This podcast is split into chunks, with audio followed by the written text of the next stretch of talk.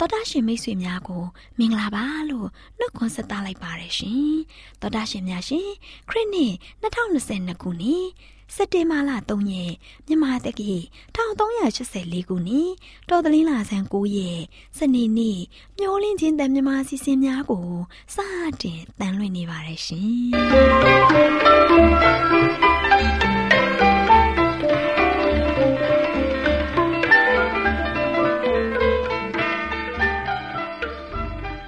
တော်တာရှင်များခင်ဗျာမျောလင့်ချင်းအတန်မြန်မာအစီအစဉ်ကိုနက်နက်6နာရီမိနစ်30မှ9နာရီထိစကြောင်မီတာ kHz တစ်ခွန်ခွန်23ညညပိုင်း9နာရီမှ9နာရီမိနစ်30အထိ25မီတာ kHz 11943ညမှအတန်လွှင့်ပေးနေပါတယ်ခင်ဗျာဒီကနေ့စနေနေ့မှာထုတ်လွှင့်ပေးမယ့်အစီအစဉ်တွေကတရားဒေသနာဟောကြားခြင်းအစီအစဉ်ကလေးများအတွက်စံစာပုံမှန်ဟောကြားခြင်းအစီအစဉ်စံပြအင်တာဗျူးအစီအစဉ်တို့ဖြစ်ပါတယ်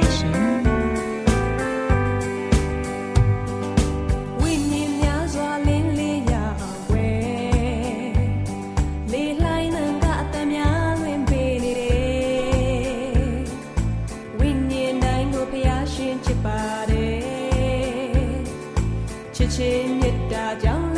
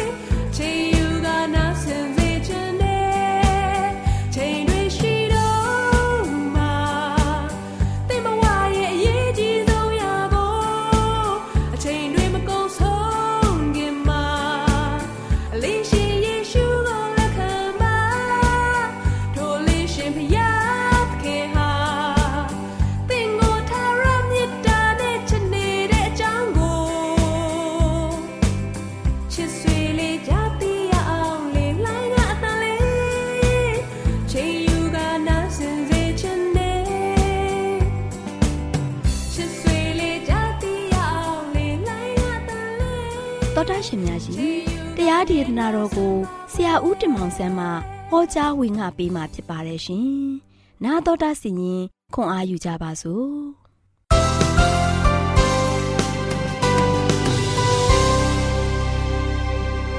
။ချစ်တော်ဓမ္မမိတ်ဆွေများမင်္ဂလာပါလို့ရှေ့ဆက်နှုတ်ခွန်းဆက်သကြပါတယ်။မိတ်ဆွေတို့ဒီနေ့ဆက်လက်ပြီးတော့ နာတော်တာဆင်ရမယ့်သတင်းစကားကတော့ပရောဖက်များဤထူးခြားတဲ့လက္ခဏာများ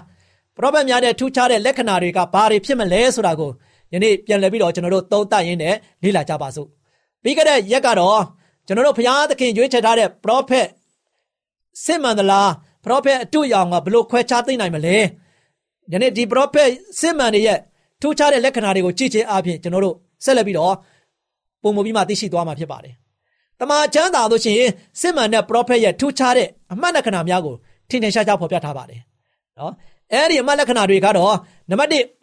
စစ်မှန်တဲ့ပရောဖက်ရဲ့သတင်းစကားဟာဖျားသခင်ရဲ့နှုတ်ကပတ်တော်နဲ့ပညာတော်အပြည့်အဝကိုင်းညီမှုရှိပါတယ်တဲ့။ယနေ့ချက်တော်မိတ်ဆွေတို့စစ်မှန်တဲ့ပရောဖက်ခါလို့ရှိရင်သူတို့ရဲ့လှုပ်ဆောင်ချက်ဟောကြားချက်တွေကလို့ရှိရင်တော့ဖျားသခင်ရဲ့နှုတ်ကပတ်တော်ပြီးလို့ရှိရင်ဘုရားသခင်ရဲ့ပညာတော်အပြည့်အဝကိုင်းညီမှုရှိတယ်ပညာတော်ကိုလည်းတွေ့ဖက်ပြီးတော့ပြောသွားတာမဟုတ်ဘူးသင်မြတ်တော်အတိုင်းဘုရားသခင်ချမှတ်ထားတဲ့နီလန်အတိုင်းပဲလှုပ်ဆောင်သွားတဲ့နှုတ်ကပတ်တော်ဖြစ်ပါတယ် ဒါကြောင့်ဟေရှာယနာဂတိကျမ်းခန်းရှင်းငနေဆယ်မှာလို့ရှိရင်တရားတော်ကိုလည်းကောင်းတက်တိခံကြောင့်မူချက်တော်ကိုလည်းကောင်းနားထောင်ကြကုန်အံသူတို့ပြောသောစကားသည်နှုတ်ကပတ်တော်နဲ့မညီလျင်သူတို့၌အာယုံမတက်သေးဆိုပြီးတော့ဖော်ပြထားပါတယ်နံပါတ်1တစ်ချက်ကတော့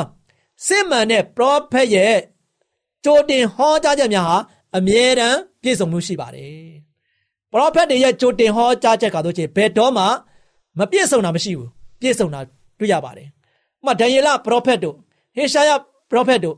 ဟောခဲ့တဲ့အရာတွေအားလုံးကဆိုရှင်တစ်ခုပြီးတစ်ခုပြည့်စုံလာတာတွေ့ရတယ်။ညော့နေတော့တာလည်းမရှိဘူး။ပုံမပြီးမှအနာဂတ်ကိုကြုံဟောတဲ့အရာတွေလည်းပြည့်စုံတယ်လို့ယခုပြည့်စုံပါမှာလည်းပြည့်စုံနေတာတွေ့ရပါတယ်။ဒါကြောင့်ယေရမိခန်းကြီး28အငယ်6မှာဆိုရှင်သူ၏စကားပြည့်စုံသောအခါစင်စစ်ထာဝရဘုရားဆေလွတ်တော်မူသောပရောဖက်ဖြစ်ကြောင်းကိုထင်ရှားလိမ့်မည်တဲ့။ နံပါတ်3ကတော့စစ်မှန်သောပရောဖက်ဟာအသင်းတော်ကိုစောင့်တည်ဖို့ဟောပြောပါတယ်။နော်။ဒါကြောင့်စစ်မှန်တဲ့ပရောဖက်ဆိုတာဆိုရှင်အသင်းတော်ကိုစောင့်တည်ဖို့အသင်းတော်ကိုပုံမပြီးမှခိုင်မြဲဖို့ရန်အတွက်ဟောပြောပြီးတော့တက်တည်ခံတဲ့ပရောဖက်ဖြစ်ပါတယ်။ညနေအသင်းတော်ကိုစောင့်တည်ဖို့မပဲနဲ့အသင်းတော်ကိုကွဲပြားအောင်အသင်းတော်မှာဆိုရှင်ရန်လိုမုန်းပွားလာအောင်အသင်းတော်တွေစိတ်စိတ်ပုံမှာကွဲသွားအောင်ဒီလုပ်တဲ့အရာဆိုလို့ရှိရင်တော့ဒါစစ်မှန်တဲ့ prophet လုံးဝမဟုတ်ပါဘူး။ ဒါကြောင့်ဘုရားသခင်နေနဲ့ prophet ပြုခြင်းဆုလတ်ပေးရခြင်းအကြောင်းကိုတခုကတော့အသင်းတော်အတွက်တည်ဆောက်ဖို့ဖြစ်ပါတယ်။ဒါကြောင့်စစ်မှန်သော prophet ဟောကြားချက်ရရှိဖို့ရန်အတွက်စစ်မှန်သောအသင်းတော်ကိုကျွန်တော်တို့ကရှာဖွေရမှာဖြစ်ပါတယ်။သူတို့ကဆိုရှင်တခုနဲ့တခုကဆိုရှင်ဘာလို့လဲဆက်နွယ်မှုရှိတယ်နော်ဒါကြောင့်ကောရိန္သုဩရစာပထမဆောင်ခန်းကြီး14အငယ်3ကနေ4မှာဆိုရှင်ပရောဖက်ပြုသောသူဟုမူကားတိဆောက်ခြင်း တိုက်တွန်းသွေးဆောင်ခြင်းတက်တာခြင်းအလွန်ငါလို့လူတို့အားဟောပြော၏ပရောဖက်ပြုသောဟုမူကားအသင်းတော်ကိုတိဆောက်၏ဆိုပြီးတော့ဖော်ပြထားပါတယ်နံပါတ်၄စစ်မှန်သောပရောဖက်အနေနဲ့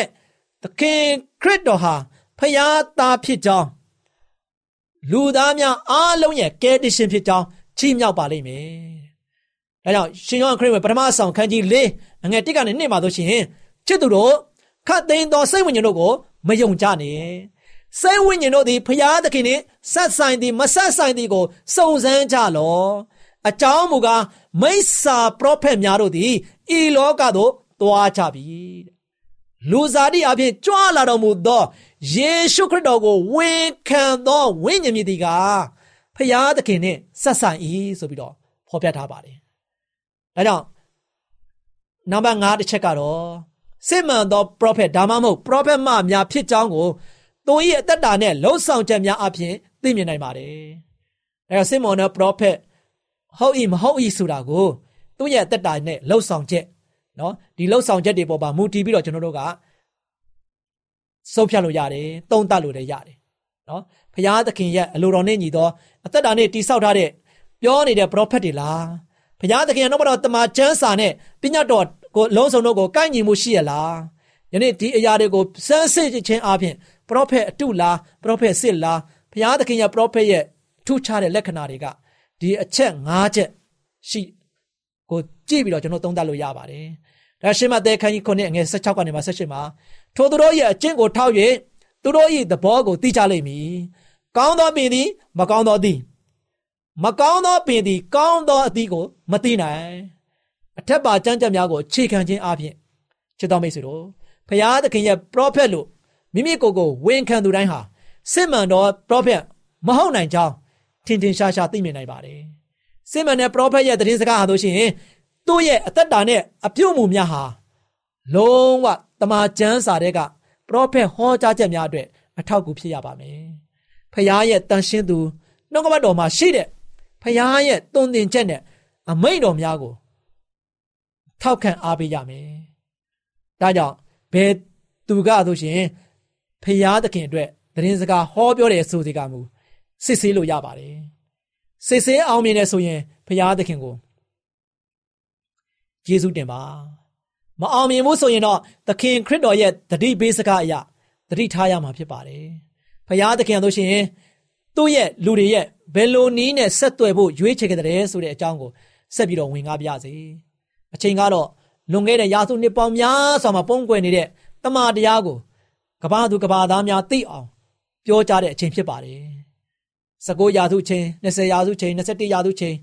ရာစုနှစ်တွေပြောင်းလဲလာလေလေယနေ့ဘုရားသခင်ရဲ့အမှန်တရားသတင်းစကားကပုံမပြီးမှပေါ်လွင်လာဖို့ဖြစ်ပါတယ်။ဒါချစ်တော်မိတ်ဆွေတို့ဘုရားသခင်ရဲ့ကောင်းမြတ်တဲ့သတင်းစကားတို့ရှင်ကြီးကျယ်တဲ့ဘာသာရေးနှိုးကြောင်မှုကြီး ဖြစ်ပေါ်နေတဲ့ချိန်ကာလမရဖြစ်ပါတယ်။ဒါကြောင့်တမန်ကျမ်းစာကိုဖတ်ရှုလေ့လာရင်းနဲ့ဆုတောင်းခြင်းဘက်မှာစိတ်ဆန္ဒပြင်းပြတဲ့အချိန်ဖြစ်တဲ့အတွက်ကြောင့်ချစ်တော်မိတ်ဆွေသင်လည်းပဲဘုရားသခင်ရဲ့နှုတ်ပတ်တော်တမန်ကျမ်းစာကိုလေ့လာပါ။လေ့လာပြီးတော့သင်ဘာလို့ရမလဲ။ဘုရားသခင်ကိုဆုတောင်းပါ။ဆုတောင်းခြင်းအပြင်ယနေ့ကျွန်တော်တို့ရဲ့ဘဝတက်တာမှာအတုနဲ့အစစ်အတုရောင်တွေကြားထဲမှာနေပြီးတော့အသက်ရှင်ရတဲ့ကာလမှာယနေ့ကျွန်တော်တို့ကအမှန်တရားတိုင်းအမှန်ဘက်ကနေမှရပ်တည်နိုင်ဖို့ရန်အတွက် မှန်ကန်တဲ့လမ်းစဉ်ကိုကျွန်တော်ရှောင်လန်းနိုင်ဖို့ရန်အတွက်ယနေ့ဘာလို့ရမလဲနှုတ်ကပတော်တမန်ကျမ်းစာကိုကျွန်တော်တို့ကဖတ်ရှုပြီးတော့ကျွန်တော်တို့ဖရားနဲ့တူဆက်သွယ်ပြုဆုတောင်းခြင်းအပြင်ယနေ့ကျွန်တော်တို့ဖရားဘက်မှာတစ္ဆာရှိတဲ့ငယ်သားကောင်းများနေတဲ့ရပ်တည်ဖို့သွားဖို့ရန်အတွက်ဖြစ်ပါတယ်။ဒါဒီသတင်းစကားတွေအားဖြင့်သင်တို့ရဲ့ဘဝတက်တာမှာဖရားဘက်မှာသစ္စာရှိပြီးတော့ဘုရားသခင်ရဲ့အလိုကြအသက်ရှင်နေတဲ့သားသမီးရောက်တိုင်းလည်းဖြစ်နေကြပါစေလို့ဆုတောင်းဆန္ဒပြုလို့ပြောပါတယ်။ဆု တောင်းမိတ်ဆွေများအားလုံးဘုရားသခင်ကြောဝမြတ်စွာကောင်းချီးမင်္ဂလာ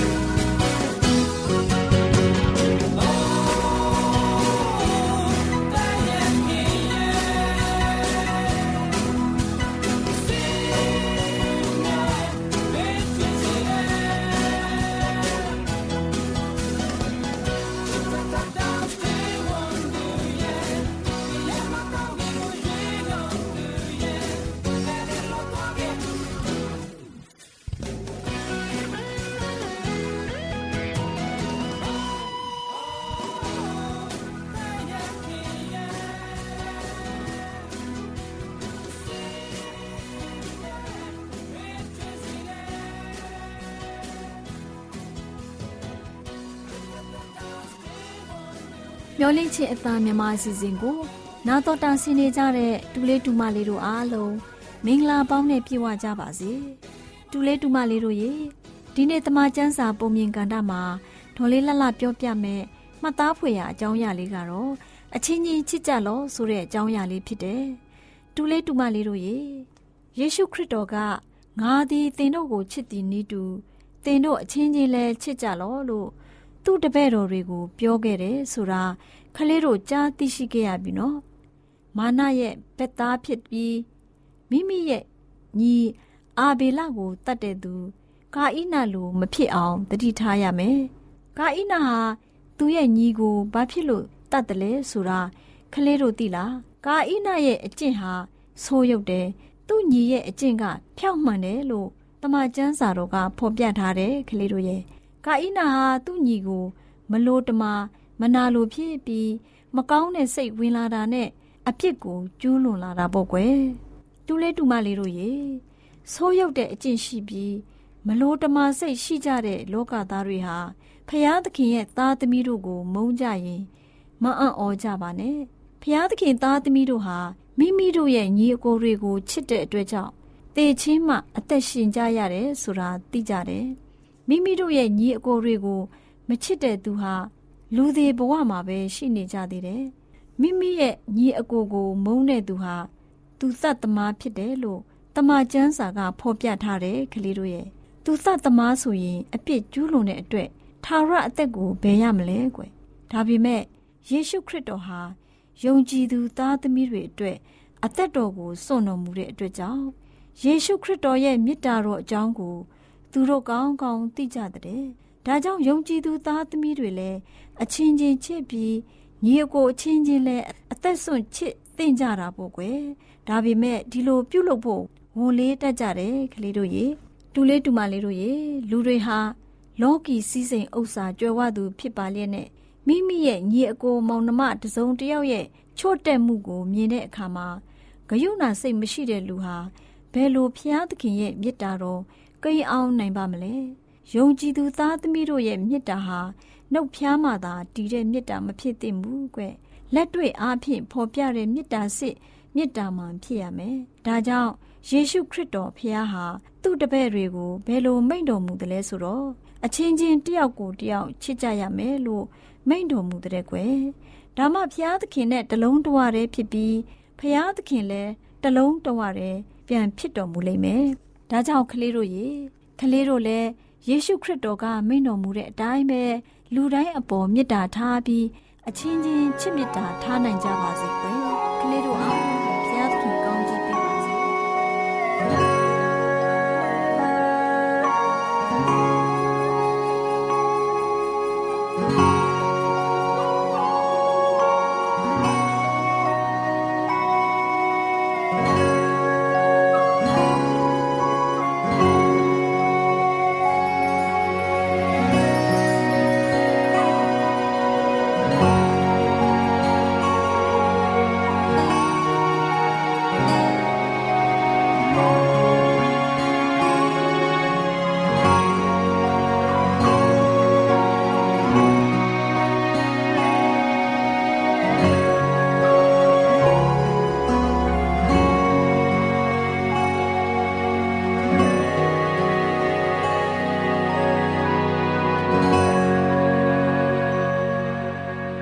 ရှင်များအားလုံးမင်္ဂလာပါရှင်သောတာရှင်များရှင်ခုချိန်မှာစံပြအီနောင်ဆိုတဲ့စာအုပ်ထဲကခရိယန်ဤကြိုးချောင်းဆင်ကျင်ကျဲဆိုတဲ့အကြောင်းအရာနဲ့ပတ်သက်ပြီးတင်ဆက်ပေးခြင်းပါတယ်ရှင်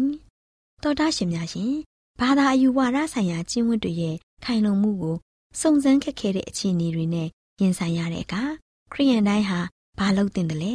အတူယူလောက်တဲ့တည်ကြည်မှုဖြင့်သူကပွင့်ပွင့်လင်းလင်းပြောတင်တာကတော့ကျွန်ုပ်ဒီလှည့်ပြားမှုကိုရှောင်ကျဉ်တဲ့ ခရိယန်တူဖြစ်ပါတယ်။ကျမ်းစာကဖော်ပြထားတဲ့အတိုင်းရက်သက်တစ်ပတ်တွင်တတ္တမနေ့ရာဥပုံနေ့အမှန်ဖြစ်တာကိုကျွန်ုပ်ယုံကြည်တယ်။ကျွန်ုပ်ရဲ့ယုံကြည်ခြင်းနဲ့ကျင့်ဝတ်တွေဟာတခြားသောသူတို့ရဲ့ယုံကြည်ခြင်းကျင့်ဝတ်တွေနဲ့တစ်ဖက်တစ်လမ်းစီဖြစ်နေပါတယ်။အတူတွဲနေပြီးပျော်ရွှင်မှုကိုရနိုင်မှာမဟုတ်ပါဘူး။ဘာကြောင့်လဲဆိုတော့ဖရာသခင်ရဲ့အလိုတော်ကိုပြည့်ပြည့်စုံစုံနားလည်ရင်ကျွန်ုပ်ရဲ့ခံယူချက်များအတိုင်းရှေးသို့ဆက်လက်ခီးသွားလျင်ကျွန်ုပ်နေဖြင့် တနေ့တခြားလောကီပုံသဏ္ဍာန်နဲ့ကွာခြားလာပြီးခရစ်တော်ပုံသဏ္ဍာန်နဲ့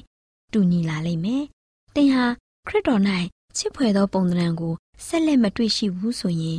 တမန်တရားကိုလည်းဆက်လက်တွေ့ဖို့ရန်လောကကိုလည်းချစ်ဖို့မဖြစ်နိုင်ပါဘူး။ဖျားသခင်နဲ့ဆိုင်တဲ့အရာတွေကိုကျွန်ုပ်နေဖြင့်နှစ်သက်မျက်နှိုးပေမဲ့တင့်အနေဖြင့်ဒီလိုနှစ်သက်မျက်နှိုးခြင်းမရှိနိုင်ဘူး။ဝိညာဉ်ရေးဆိုင်ရာအရာတွေကိုဝိညာဉ်ရေးဖြင့်သာသိရှိနားလည်နိုင်တယ်။ ဝိညာဉ်ရေးဆိုင်ရာနားလည်ခြင်းမရှိဘူးဆိုရင်တင့်အနေဖြင့်ကျွန်ုပ်ထံမှဖျားသခင်တောင်းဆိုချက်များကို တွေ့မြင်နိုင်ခြင်းမရှိပါဘူး။ဒါ့အပြင်ကျွန်ုပ်ကိုးကွယ်တဲ့ဖျားသခင်အားကျွန်ုပ်နေဖြင့်ပြုအပ်တဲ့ဝတ္တရားတွေကိုလည်းတင့်အနေဖြင့်သိရှိခြင်းမရှိနိုင်ပါဘူး။ဘာသာရေးဆိုင်ရာတာဝန်တွေကိုထမ်းဆောင်ဖို့ရန်အတွက်ကျွန်ုပ်ဟာတင့်ကိုဂယုမဆိုင်လင်းလျူရှုရဲဆိုတဲ့ခံစားချက်မျိုးတင့်မှာရှိလိမ့်မယ်။တင့်အနေဖြင့်ပျော်ရွှင်မှုရှိမှာမဟုတ်ပါဘူး။ကျွန်ုပ်နေဖြင့် ဖျားသခင်ကိုချစ်တဲ့အတွက်တင်ဟာမနာလိုဝန်တိုဖြစ်လာပြီးကျွန်ုပ်ဖို့မှလည်းကျွန်ုပ်ရဲ့ယုံကြည်ချက်ကိုလိုက်နာရမှာကျွန်ုပ်တယောက်တည်းဖြစ်နေပြီးအဖို့ဟူ၍မရှိနိုင်ပါဘူး။တင့်ရဲ့သဘောထားများပြောင်းလဲလာတဲ့အခါ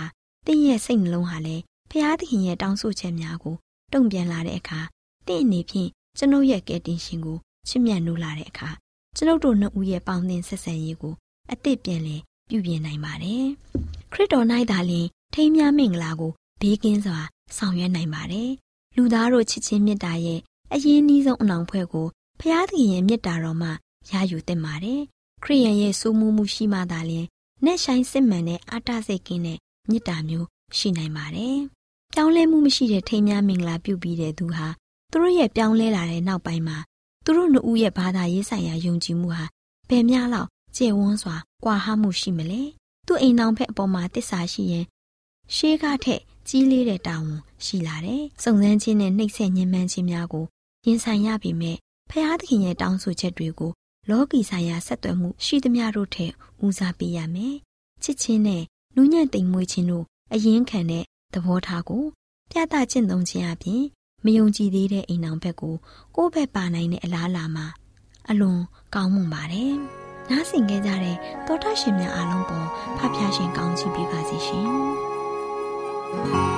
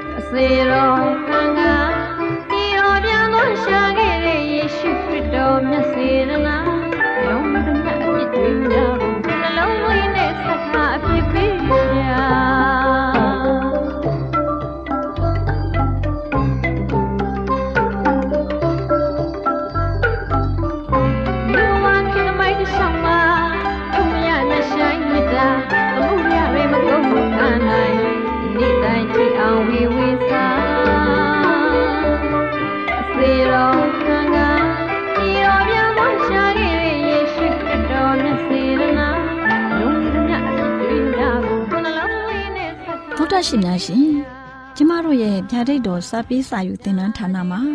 အောက်ပါသင်တန်းများကိုပို့ချပေးလျက်ရှိပါတယ်ရှင်။သင်တန်းများမှာစိတ်ဓာတ်ဒုက္ခရှာဖွေခြင်းခရစ်တော်၏အသက်တာနှင့်တုန်သင်ကြများတဘာဝတရားဤဆရာဝန်ရှိပါကျမ်းမာခြင်းနှင့်အသက်ရှည်ခြင်းသင်နဲ့သင်ကြားမှာရေးရှားဖွေတွေ့ရှိခြင်းလမ်းညွန်သင်ခန်းစာများဖြစ်ပါရဲ့ရှင်။သင်တန်းအလုံးဟာအခမဲ့သင်တန်းတွေဖြစ်ပါတယ်။ဖြစ်ဆိုပြီးတဲ့သူတိုင်းကို ဂုံပြုလွှာချီးမြှင့်ပေးမှာဖြစ်ပါရဲ့ရှင်။တောတာရှင်များခင်ဗျာဓာတိတော်အတန်းစာပေးစာယူဌာနကိုဆက်သွယ်ခြင်းနဲ့ဆိုရင်တော့ဆက်သွယ်ရမယ့်ဖုန်းနံပါတ်ကတော့39 656 296 336နဲ့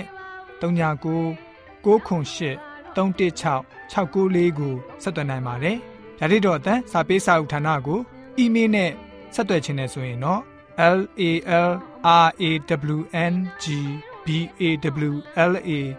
@gmail.com ကိုဆက်သွင်းနိုင်ပါတယ်။ဓာတ်တော်အတန်းစာပေးစာဥထာဏာကို Facebook နဲ့ဆက်သွယ်ခြင်းနဲ့ဆိုရင်တော့